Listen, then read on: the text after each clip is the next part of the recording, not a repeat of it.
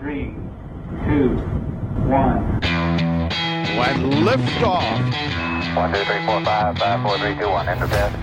Okay, we checked all four systems, and there you go on modulation, all four, and keying with a go. Tranquility base here. The Eagle has landed. Du hører på en podkast som eh, dreier seg om alt som foregår i verdensrommet. Det skal dreie seg om helt Coco Bananas eh, greier her eh, nå. eh, for vi vil jo lette litt på stemningen, da. Sånn når, når, alle sitter rundt eh, liksom, utepeisen og koser seg med reker og hvitvin i, i sommervarme kvelder osv. Ja. Og så skal vi komme og være eh, partypupere når man snakker om liksom, bikinier og nye flagrende gevanter. Så skal vi ta det litt ned og gjøre det litt sånn stygt og, og krigersk og, og rett og slett eh, livsfarlig. Vi skal det, men det er en god historie òg. Og den er heldigvis bak oss. Den har en, faktisk en god slutt. Men du får bare se Han har et uh, langt og godt spørsmål. Ja, for det er jo ja. da nok en gang så er det spørsmålene fra dere Ja. som, som driver dette. Så, så vi fraskriver oss alt ansvar for alt det skumle som skjer nå. Altså, det er deres feil. Ja, for eh, her er det da altså Trond Bøhle som, eller Bøhle, eller hvordan man uttaler det, som har eh, skrevet følgende. Drømmen hadde vært å fått Brian Cox i studio, og det eh, Han var på eh, i Norge for eh, to år siden, tror jeg. Det var ganske sånn i starten av podkasten vår. eh, og da jeg prøvde å finne ut hvordan jeg skulle komme i kontakt med han for å få han i studio. Eh, men eh, jeg fikk aldri noe svar eh, fra Det var noen uhøflige mennesker i andre enden av den e-posten som eh, ikke gadd å svare meg. Ja, Så skriver han videre. Uh, dette, altså, dette var min kommentar, da. Uh, ja men jeg, jeg er enig med deg i den, jeg, altså. ja. Eh, Sunniva Rose må tilbake og snakke mye mer om kjernefysikk i rommet, og gjerne på landjorda også. Det skal vi nok skal vi få til. Og som alltid så blir jeg i hvert fall jeg veldig fascinert av Kristoffer Schou. Det er Hva- vi også. Utvilsomt, utvilsomt. Hva med en episode som tar for seg militære installasjoner? Har det noen gang vært Cuba-krisen, altså i anførselstegn, in space? Ja. for det vet du hva, eh, det var også en sånn eh, ting som slo meg. Det er mer sånn eh, kontemporært, eh, all den tid det liksom er isfront mellom Kina og USA, og begge er i verdensrommet. Vil det nå bli mer militar militarisering i verdensrommet? Og svaret på det er vel kanskje ja. Det er kanskje ja, og jeg, en av de tingene som jeg har tenkt som vi nok bør tenke å kanskje gjøre til høsten, det kunne være å få noen som jobber med eh, militarisering av rommet, f.eks. noen fra Forsvaret. For det er folk der som faktisk jobber med dette. De har til og med ansatt forskere som ser på sånne ting. Så det kan være en eh, interessant researchjobb. Og hvis dere kjenner til noen navn, så bare tips oss om det. fordi dette må vi snakke mer om. Militarisering av rommet og militære, militær virksomhet. Det er jo det er jo en del av hele romhistorien. Det startet som et våpen. Det har vært våpen hele veien. Krutt. Krutt har det vært. Raketter. Og, altså det, ikke sant? og, og de, ne, alle de tidlige astronautene var jo egentlig militære. Det var jo egentlig stort sett offiserer hele gjengen. ikke sant? Så, så ja. Uh, det han lurer på, er om det har vært en Cuba-krise i rommet. Og, og jeg får si at uh, Trond, du var heldig, for jeg har, jeg har nettopp lest om en Cuba-krise i rommet. Eh, og det er fra den samme perioden som vi har snakket om en gang tidligere. Og det var når vi snakket om eh, Husker du hun som spurte om det eh, å sprenge atombomber i, på Ja, månen? for der var det, var det het Project Orion eller et eller annet? Det, ikke sant? det var altså en sånn idé om å detonere atombomber over månen. Og det er faktisk de samme folka, og det er den samme perioden. Det er Å ja, det var ja, det er Nuking in Space. Men så Ja. var det disse, disse atombombedrevne rakettene. rakettene ja, ja, det stemmer. Prosjekt sånn- Orion, ja. Å ja, det er jo helt Ja, helt vilt. ja, ja. Den svære rakettene som skulle drives med atombomber. Ja, sånn. Smell 10 000 atombomber, eh, og så kommer du deg til Saturn. Ja. Men, eh, men altså, rundt, eh, sånn rundt 1957-1958 så var det et ganske stort miljø i Både blant altså, Ganske stort miljø Ja, men altså, det var overraskende. Det er ikke tull engang. Altså, det var overraskende mange som syntes at det var Altså, man hadde raketter, man hadde, man hadde atomvåpen. Eh, så hvorfor ikke kombinere dem? Ja, og det ene var jo da å sende dem til månen, som vi snakket om i den sendingen. Og det andre var altså faktisk å teste, teste dem ut i nærheten av jorda for å se hvordan det påvirket disse nyoppdagede strålingsbeltene. Altså den første amerikanske satellitten, Explorer 1, som ble sendt opp eh, i januar 19... Vet du hva, Dette her er som tenåringer som, som eh, eksperimenterer med å blande alle de forskjellige tinga de finner i barskapet og under kjøkkenet. Ikke, du helt Hva rett. skjer hvis vi skyter dette inn i åra?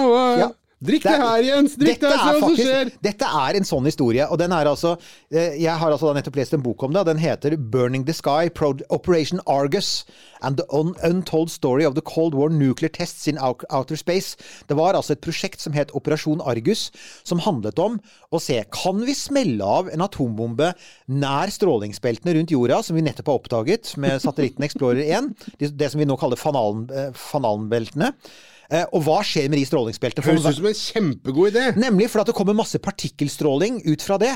Og, og, og dette var altså faktisk en um, uh, Det var en, en uh, amerikansk forsker som um, opprinnelig kom fra Hellas, han het vel Kristofilos, og han hadde da funnet ut at eh, han trodde at det ville bli ekstremt kraftig farlig stråling i strålingsbeltene hvis man smeltet atombombe, atombombe der. Og det var en god ting. Hvorfor det? Jo, nummer én, da kunne du zappe sovjetiske satellitter. Så, så planen var faktisk å drepe satellitter med stråling, med kunstig høy stråling. Og det andre var at hvis sovjeterne forsøkte å skyte sine atomraketter mot USA, så ville atombombene bli ødelagt av strålingsbeltene på vei ned mot jorda igjen. Og hvis du syns det høres ut som en teit idé, så var det en veldig teit idé. Og det var mange som sa at det tror ikke vi noe på. Men hindret det dem i å sette i gang?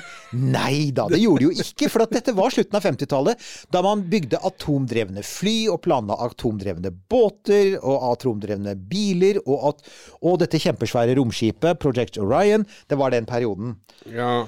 Så saken er, helt konkret da, hvordan, hvordan ble det en Cuba-krise? Jo, amerikanerne gjør, finner ut, i hemmelighet selvfølgelig, dette skal være et hemmelig prosjekt, i hemmelighet så skal de da sprenge en atombombe i Hiroshima-klassen i, oppe i verdensrommet, altså da mange hundre kilometer over bakken, eh, i disse uh, strålingsbeltene, og så skal man se Var det ingen voksne på det møtet? det var ingen voksne på det møtet. Og det man gjorde, man sendte da faktisk en flåte med skip fra amerikanske marinen. Bakpå dekket til den største båten så står det da en, faktisk en rakett som for sikkerhets skyld var i ferd med å fases ut. Det var en gammel rakett.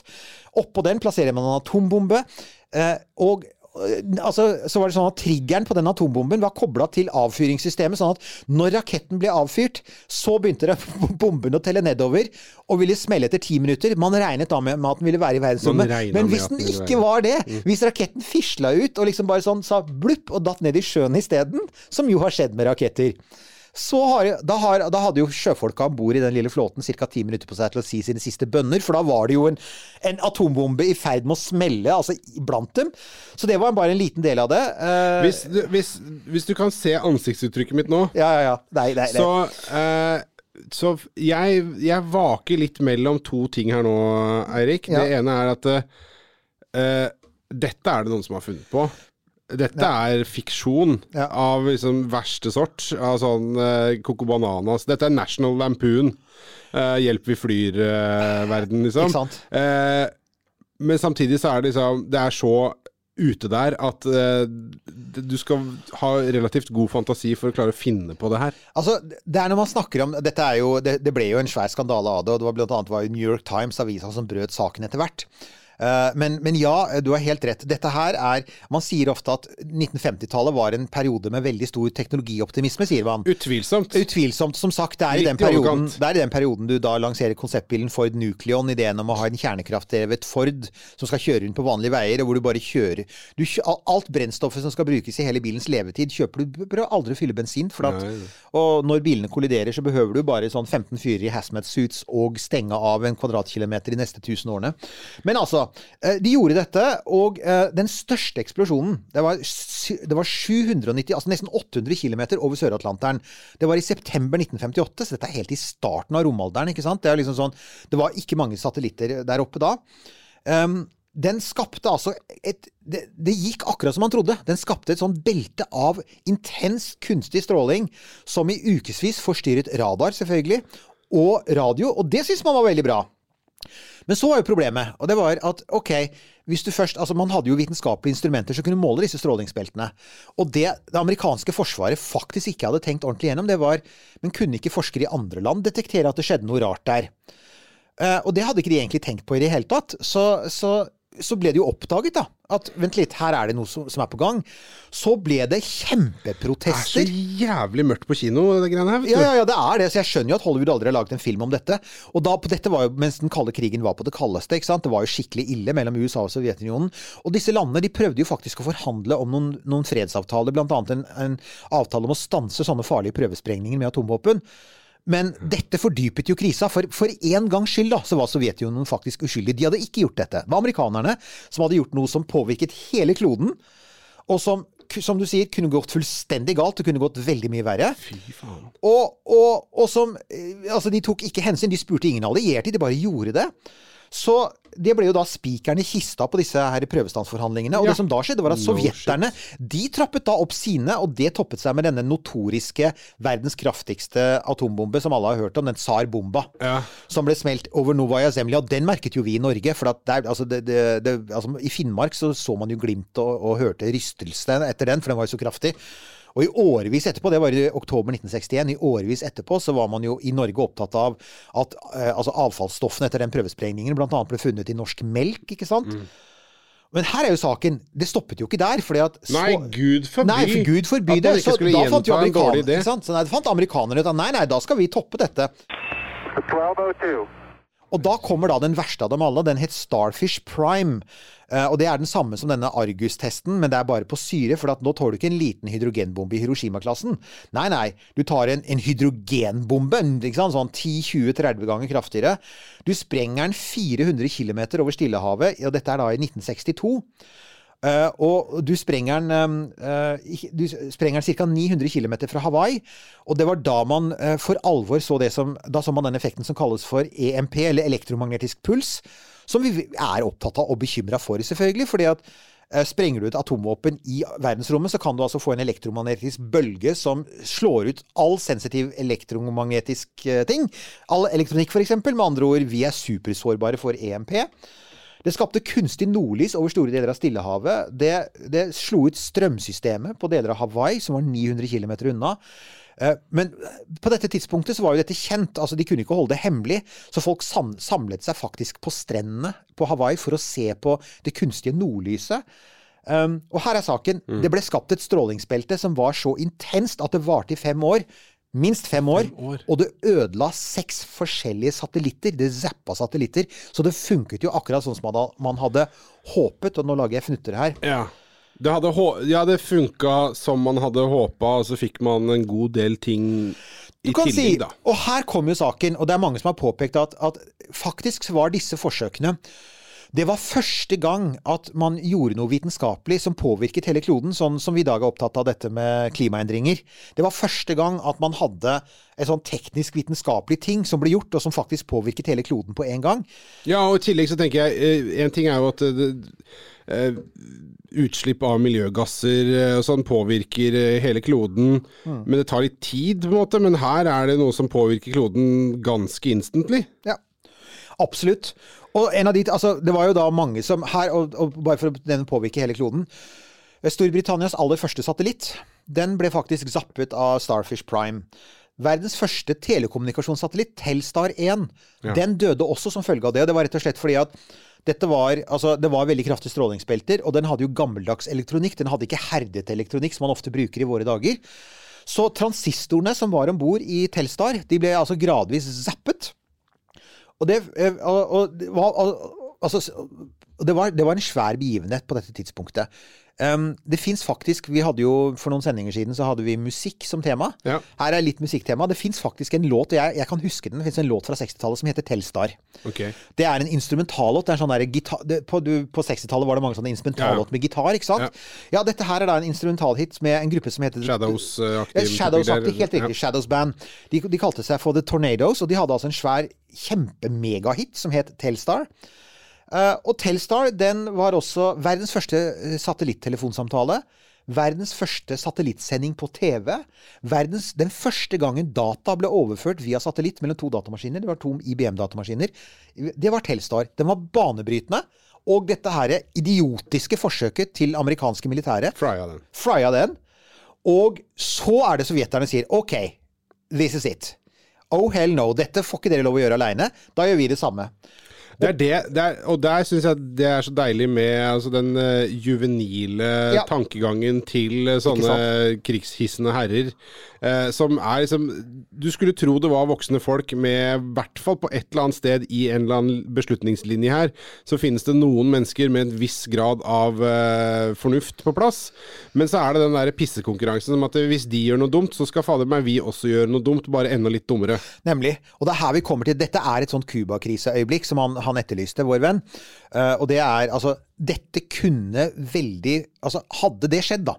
Hadde du fått den opptrappingen, hadde sovjeterne begynt å teste for fullt, og amerikanerne hadde svart, så hadde vi jo faktisk Altså, vi er opptatt av romsøppel i våre dager, og hvordan romsøppel kan skape et belte som gjør det vanskelig å ha satellitter. Det var det man ville gjøre, men bare med radioaktiv stråling. Man ville skape kunstige strålingsbelter som var så fullpakka med, med radioaktiv stråling at det ville være umulig å sende opp satellitter og ha dem der oppe. Og ikke bare det, men det ville også vært umulig å ha mennesker der oppe i lengre tid, for at de når som helst kunne komme inn i en sånn sone med stråling og bli drept av det. Det var faktisk også noe av planen. Og, og det, det vi egentlig da snakker om, er hvis, denne, hvis dette hadde blitt realisert, denne Cuba-krisen hadde blitt utløst, da, ja, så hadde jo f.eks. Apollo hadde vært umulig. Vi hadde jo ikke kunnet gjennomføre alt det som var nødvendig for å komme oss til månen, hvis vi samtidig måtte forholde oss til atomeksplosjoner og strålingsbelter, ikke sant? Trond Bøhle, Ja. kan jeg bare få lov å si én ting? Ja. Fy faen, du åpna altså eh, Ja, det er litt av en, en, er en boks med mark, altså. Shit her nå, men dette er jo helt Det er litt, altså dette, er en, dette er en av de styggeste og mørkeste sidene av, av, Christ, av altså. romhistorien. Jeg er helt enig.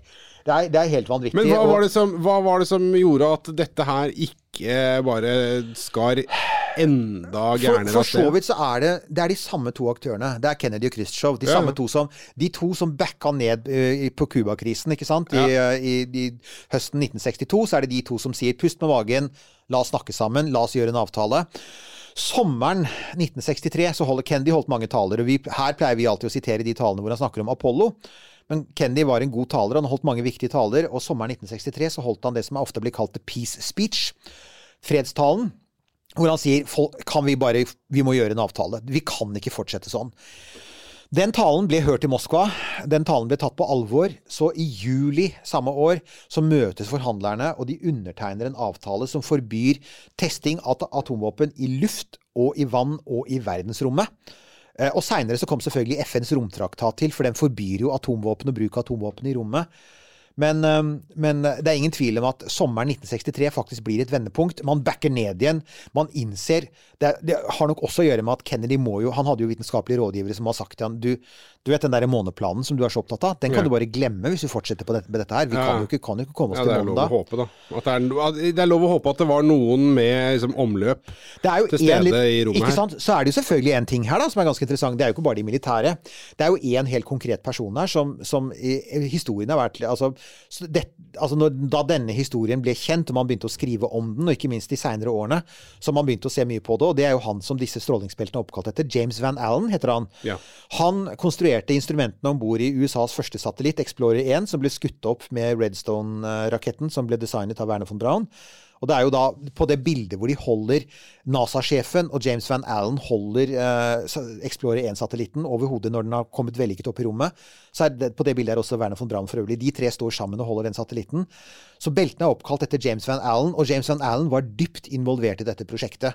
Og han var veldig lenge der at han ikke syntes dette gjorde så mye. Ah, ok. Eh, Så, han, så dette er for så vidt nok et, et eksempel på at forskere har inntatt en sånn rolle til På samme måte som det var med atombomben, på samme måte som det var med von Braun og hans folk på Peenemünde. Altså, de, hvor, liksom, hvor er samvittigheten din, og hvor er perspektivene? Ja. Er vi nå i ferd med å gjøre Så det er veldig lite som tyder på at James Van Allen på et tidlig tidspunkt da, sier sånn eh, ja, ikke bare er vi i ferd med å ødelegge naturen, men vi er jo i ferd med å ødelegge for vitenskapen. For kan vi da i det hele tatt gjøre målinger på dette, hvis vi hele tiden fyller på med kunstige ting? Ja. Så er, ikke- er ikke vi i ferd med å å ødelegge hele vitenskapen som jeg er en del av. Så, så, så ja, det har vært ganske mange som har vært skeptiske eh, til det. eh, til den rollen, for å si det sånn. Så, men heldigvis, da. Vi er, jo nå, vi er jo nå fri for den trusselen. og Vi snakker nå mye mer om romsøppel, som er Fysisk eh, fysiske ting. romsøppel, ja. Men for et par år siden så dukket det opp igjen, og det var noen som påpekte at det er jo slik at dette er jo en av de enkleste måtene å skade verdensøkonomien på. Verdensøkonomien er helt avhengig av satellitter. Igjen, tenk GPS, tenk Mm, på ja. kommunikasjon, alt sammen. Sant? Vi veit det. En dag Altså, vi hadde jo vår venn Pål Brekke. Ja, ja. Ikke sant? Pål var i studio en dag uten satellitter. Han snakket om solstorm. Ja. Her er jo en ting som man har begynt å bli bekymret for for noen år siden, og det var um, dette med at Nord-Korea, og for så vidt en stat som Iran, kan skaffe seg atomvåpen. Og så har jo selvfølgelig Nord-Korea er, vil ikke være i stand til å gjennomføre noe stort angrep mot USA. Det vil de aldri være. De er altfor små, de har altfor dårlig teknologi. Men at Nord-Korea allerede nå er i stand til å bygge en rakett som ikke nødvendigvis skal treffe et mål i USA, alt den skal gjøre, er å gå rett opp. ja. Den skal, alt den skal gjøre, er å gå rett opp 500 km, og så skal den smelle en atombombe. Ja. At de kan gjøre det, det er det ingen tvil om. Og det har vært analytikere som har sett på det, og som har sagt Kryss fingrene, folkens. Hold pusten. La oss håpe at de aldri blir så gale, fordi de kan, gjøre, de kan faktisk gjøre enorm skade på, ja, på verdens økonomi og på det vi tar Ja, tar Det er ikke som om Nord-Korea er så veldig avhengig av satellitter og alt eh, Det er akkurat det. Så, Så, så de, har faktisk et, de har faktisk et trumfkort i ermet der. Ja. Men grunnen til at de vet dette De hadde jo aldri visst det om ikke det hadde vært for at amerikanerne hadde gjennomført disse sant å si stokk dumme, stupide, meningsløse eksperimentene på 1950-tallet og 60-tallet. Så gudskjelov er det over, men, eh, men til dere som gjorde det den gangen, det, det er Sorry, men det fins ikke noe tilgivelse. Alt vi, alt, alt vi lærte av det Alt vi lærte av det, var at en diktator, en gal diktator i Nord-Korea kan slå ut verdens satellittforbindelse med noen velplasserte atombomber. Det var den eneste nytteverdien som kom ut av de forsøkene. Det er veldig trist. Og med det, eh, kjære lytter, så ja. s- Nok om det med de, forlater- med de muntre ordene. Så forlater vi deg og ønsker deg en fortsatt strålende, trivelig sommerdag, kveld, formiddag. Ja, ja, Kos deg med familien din og vennene gang, Vi lover neste gang skal det ikke bli så mørkt. Nå har vi hatt to eh, runder her med kald krig, og det skal bli mindre kald krig. Oi, oi, oi. Men Ah, det, vi må faen, ha det. var skittent. men- dette var så skittent. Men det er, det, igjen, det er dere som stiller spørsmålene, og vi er eh, i dette Tror ikke tilfellet Trond visste hvilken eh, Sareptas krukke av lidelse han åpna da han stilte det spørsmålet. Nei, jeg håper du eh, lærte noe interessant, Trond. Og igjen, altså, sjekk opp Prosjekt Argus. Sjekk opp Starship Prime eh, uh, Nei, ikke Starfish. Starfish Prime! Uh, og gå til Nå er jeg helt på eh, SpaceX-kjøret her. Jeg har fått litt for mye kaffe. Og, og, og faktisk Wikipedia-artiklene er gode, og de er også rikt illustrert. Da vil du faktisk annet se bilder av dette her ja. kunstige nordlyset som ble sett over Hawaii. For meg er det creepy. Jeg syns jo av og til så ser du sånn når russerne driver og skyter opp eh, raketter fra Plesetsk-basen sin langt i nord, mm. så hender det jo at du ser disse skyene av gass som de slipper ut uh, når de er oppe Ja, fra Nord-Norge. Oh, ja. Og For noen år siden så sto det annet en sånn spiralformet sky, og det var jo en roterende rakettrinn. Det jo Det ser litt creepy ut, da. Men dette her var jo 100 ganger verre, for dette var jo et bevisst forsøk på å sabotere naturen. Så nei, det, det, det er vi glad vi ikke gjør lenger. God sommer, da! God sommer!